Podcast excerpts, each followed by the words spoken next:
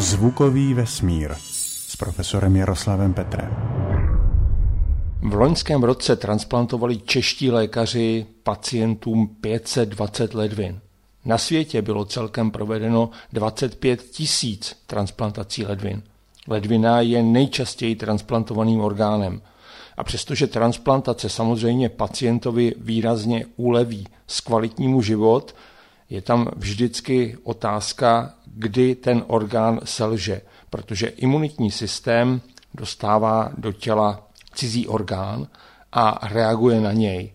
A ta reakce může mít destruktivní účinky na tu transplantovanou ledvinu, někdy velmi záhy po transplantaci, ale někdy se tahle ta nežádoucí reakce může objevit třeba i po několika letech pacienti s transplantovaným orgánem tak v drtivé většině užívají imunosupresiva, léky, které potlačují imunitní reakci. Lékaři musí volit mezi tím, aby imunitní systém byl potlačený, aby toleroval ten transplantovaný orgán, ale na druhé straně, aby pořád ještě fungoval a chránil organismus pacienta před infekcemi nebo před buňkami, které propadají zhoubnému nádorovému bujení. Takže to vůbec není jednoduché a tenhle ten problém by se dal vyřešit tím, že by pacient dostal svůj vlastní orgán. Orgán, který by narostl z jeho vlastních buněk. Pak by ten imunitní systém neměl žádný problém s přijetím takového orgánu. Kde takový orgán vzít, je otázka a vědci zkoušejí pořídit pacientům takovéhle orgány několika různými způsoby. Ten jeden využívá dvou revolučních technik, za které obě dvě byly uděleny Nobelovy ceny. Ta jedna technika, to je technika produkce tzv. indukovaných pluripotentních kmenových buněk, kterým se někdy populárně říká Yamanakovy buňky, protože vlastně za jejich objev byl Shinya Yamanaka oceněn v roce 2012 Nobelovou cenou za fyziologii a medicínu. A tyhle ty buňky lze vypěstovat ze specializovaných buněk pacientova těla jenom tím, že se v nich aktivují čtyři geny a aktivace těchto čtyř genů vrátí ty buňky zpátky a vytvoří z nich vlastně jakousi univerzální buněčnou surovinu. Vrátí je do stavu, v jakém jsou embryonální buňky. To znamená, tyhle ty buňky se neomezeně množí a zároveň mají schopnost diferenciace, specializace na nejrůznější typy buněk lidského těla. Říká se, že lidské tělo má 230 základních typů buněk a všechny tyhle ty typy, ty Yamanakovy buňky umí, když jim k tomu jsou vytvořeny vhodné podmínky. Tak to je první technika, která se používá. Druhá technika to je populární CRISPR, který byl oceněn Nobelovou cenou v roce 2020 a byla to Nobelova cena pro Jennifer Doudna a Emmanuel Charpentier. Tohle je technika, která nám dovoluje cíleně zasáhnout do dědičné informace, provést tam předem vybraný zásah na předem vybraném místě. A jak tedy se dá kombinací těchto dvou technik pořídit lidský orgán pro transplantaci, aspoň výhledově, protože řekněme si už teď na rovinu, že to zatím neumíme a že se věci snaží tímhletím způsobem se k tomu dopracovat. Takže na začátku by bylo prasečí embryo. Prasečí embryo, které by mělo poškozených několik genů a poškození těchto genů by tomu prasečímu embryu zabránilo ve vývoji orgánu.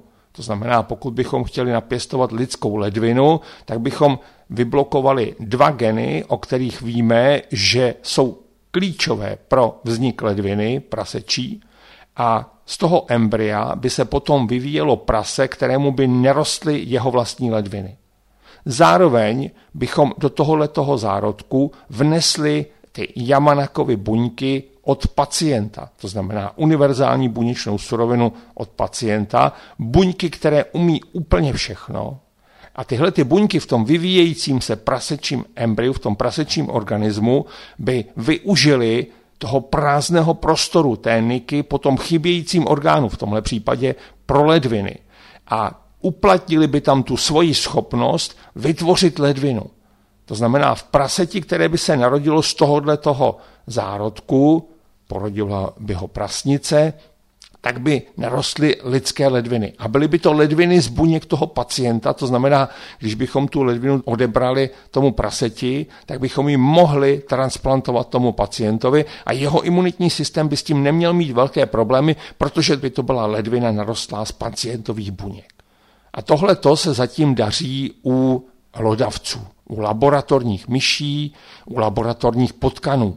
Takže se tady třeba narodila myš, která má slinivku příšní, pankreas od potkana. To už se povedlo. Ve chvíli, kdy vědci zkusili ten samý experiment na prasečím embryu, do kterého vnesli lidské buňky, indukované pluripotentní, tak to dopadlo špatně. Ty lidské indukované pluripotentní kmenové buňky v tom prasečím zárodku se neuplatní, neprosadí se tam, nevytvářejí ten chybějící orgán, velmi rychle z toho zárodku mizí. Takže vědci hledali, co je tam špatně, jestli vůbec mají ty lidské indukované pluripotentní kmenové buňky šanci v zárodku nějakým významným podílem narůst. A rozhodli se, že jim tedy vytvoří podmínky, které budou těm lidským buňkám bližší.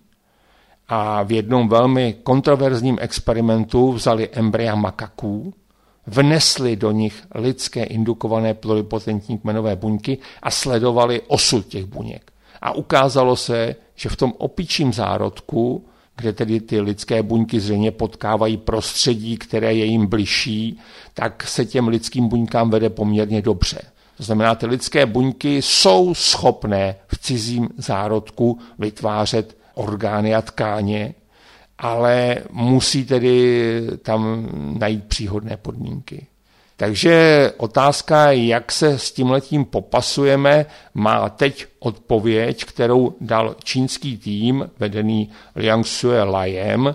Eh, vědci pracovali na Ústavu biomedicíny a lékařství v Kantonu a ti tedy udělali průlomový objev, který byl publikovaný v časopise Cell Stem Cell, Provedli tam několik dílčích vylepšení. Oni nepřišli s nějakou radikální revoluční změnou, ale prostě je to taková ta jedna změna v mezích zákona.